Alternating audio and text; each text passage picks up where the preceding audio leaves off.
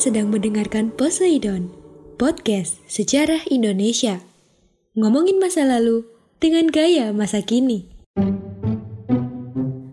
Assalamualaikum warahmatullahi wabarakatuh. Salam sejahtera bagi kita semua. Salam sejarah. Saya Ika dan kalian lagi dengerin Poseidon Podcast sejarah Indonesia. Podcast yang bikin kalian gagal move on. So stay safe, stay healthy Tetap semangat untuk mengulas masa lalu. Dan mohon perhatiannya kawan-kawan. Sesaat lagi saya akan membawa kawan-kawan ke masa lalu. Kencangkan sabuk pengaman kawan-kawan Karena dapat saya pastikan Kawan-kawan akan gagal move on. Oke baik, sudah dikencangkan ya kawan-kawan sabuk pengamannya.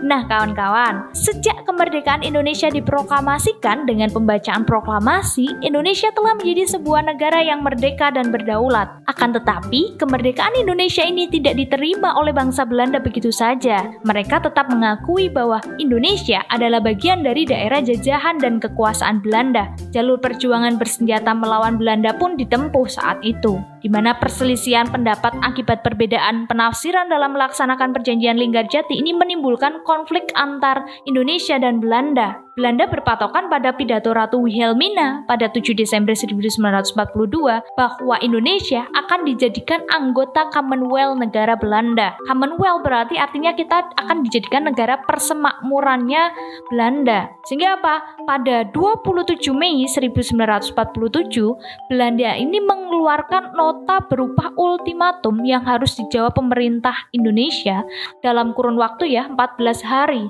karena tidak mencapai kesepakatan terhadap nota tersebut, akhirnya apa? Pada 21 Juli 1947 tengah malam nih, Belanda ini melancarkan serangan ke seluruh daerah di Indonesia ya di seluruh Republik Indonesia saat itu. Operasi yang diberi label si polisional ini sebenarnya adalah sebuah agresi militer yang akhirnya kita kenal sebagai agresi militer Belanda yang pertama.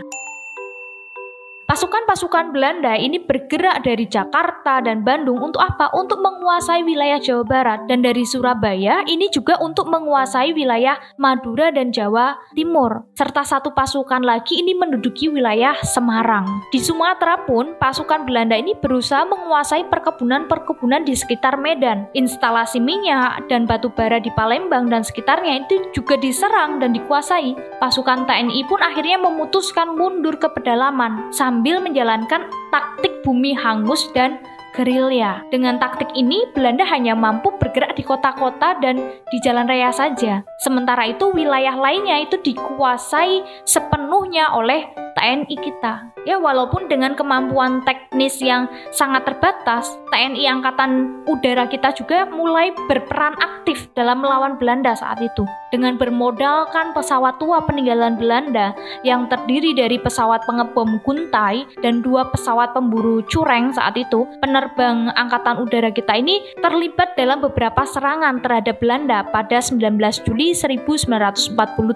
Ketiga pesawat yang berpangkalan di Maguwo, Yogyakarta atau yang sekarang kita kenal sebagai Bandara Adi Sucipto Yogyakarta ini terlibat pertempuran di Ambarawa. Mereka ini ikut mengebom kedudukan musuh yang ada di Ambarawa, Salatiga dan Semarang gitu ya teman-teman. Itu ketika agresi militer Belanda yang pertama. Nah, sebelum kita lanjutkan kawan-kawan, ini ada info yang cukup menarik sambil kita rehat ya, tarik nafas dulu yes sebelum dilanjutkan. Mari kita simak sama-sama info menarik buat kawan-kawan semua.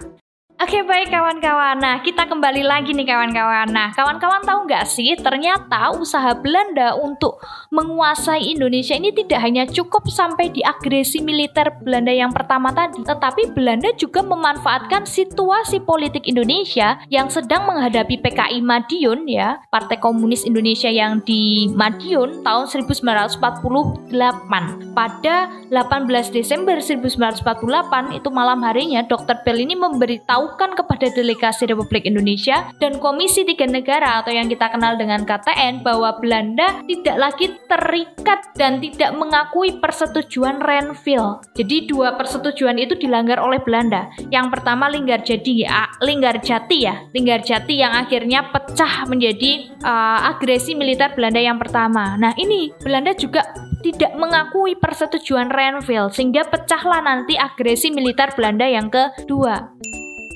Nah, ini terbukti keesokan harinya Belanda ini melancarkan agresi yang kedua kalinya ya. Sasaran Belanda ini langsung ditujukan untuk menguasai ibu kota Republik Indonesia saat itu yang berada di Yogyakarta. Dengan taktik perang gerilya, Belanda ini juga menyerang wilayah Republik Indonesia lainnya. Serangan diawali dengan penerjunan pasukan payung di pangkalan udara Maguwo atau yang kita kenal tadi sebagai uh, Bandara Adi Sucipto Yogyakarta dan pengeboman beberapa tempat di Yogyakarta sehingga apa? Dalam waktu singkat, pasukan Belanda ini berhasil menduduki ibu kota Republik Indonesia. Pimpinan tertinggi negara dan beberapa pejabat tinggi seperti presiden, wakil presiden, kepala staf angkatan udara, dan beberapa pejabat tinggi lainnya ini ditawan oleh Belanda. Presiden Soekarno diasingkan ke Prapat, Sumatera Utara ya, kemudian dipindahkan ke Bangka, dan wakil presiden kita Muhammad Hatta ini juga diasingkan ke Bangka.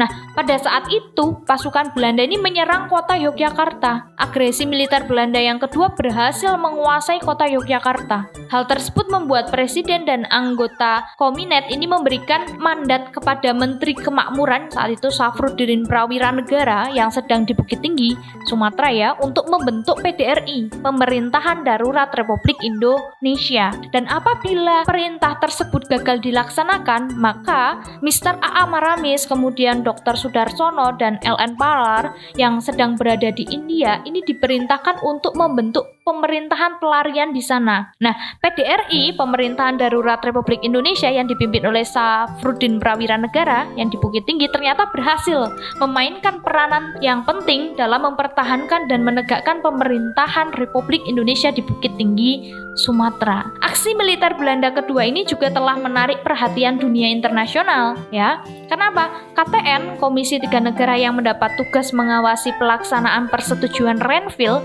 ini mengetahui bahwa Belanda telah melanggar persetujuan tersebut. Amerika Serikat saat itu mengeluarkan resolusi yang disetujui oleh semua anggota sidang Dewan Keamanan PBB yaitu Perserikatan Bangsa-Bangsa pada 28 Januari 1949.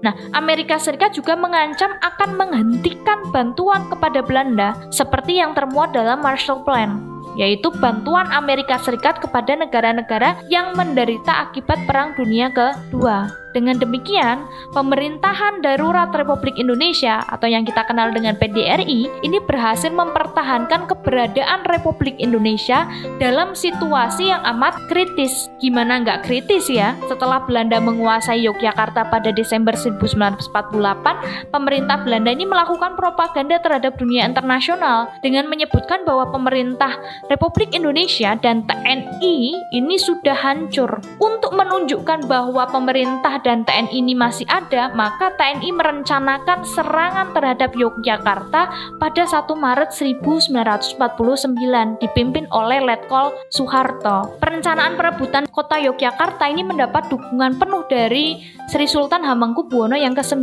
Nah, sesuai dengan rencana, menjelang tanggal 1 Maret 1949, pasukan TNI ini menyusup memasuki wilayah Yogyakarta. Sehingga pada pagi hari 1 Maret 1949 tepatnya pukul 6 sewaktu sirine Belanda berbunyi sebagai tanda berakhirnya jam malam, serangan dilakukan ke seluruh kota. Dalam waktu singkat, TNI berhasil menguasai Yogyakarta. Nah, serangan umum 1 Maret ini juga mempunyai arti penting kawan-kawan. Kenapa? Baik di dalam negeri maupun di luar negeri, di mana pengaruh serangan umum 1 Maret tersebut jika kita lihat pengaruhnya ya, khususnya bagi Indonesia ya, ini yang pertama mendukung perjuangan diplomasi. Yang kedua apa? Meninggikan semangat rakyat dan TNI yang sedang bergerilya saat itu. Dan ini juga sebagai bentuk eksistensi TNI saat itu untuk mematahkan pernyataan Belanda yang mengatakan bahwa Indonesia dan TNI itu sudah hancur. Ternyata kita masih eksis kok, masih bisa melakukan serangan umum 1 Maret 1949.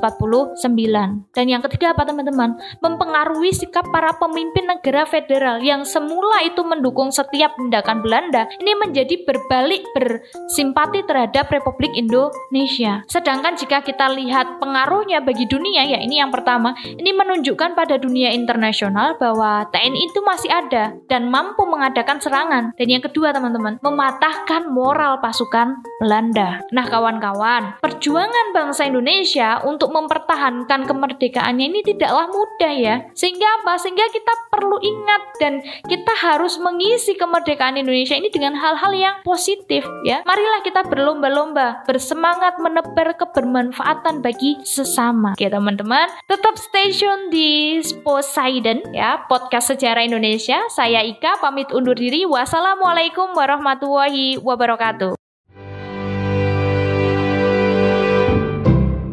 Terima kasih.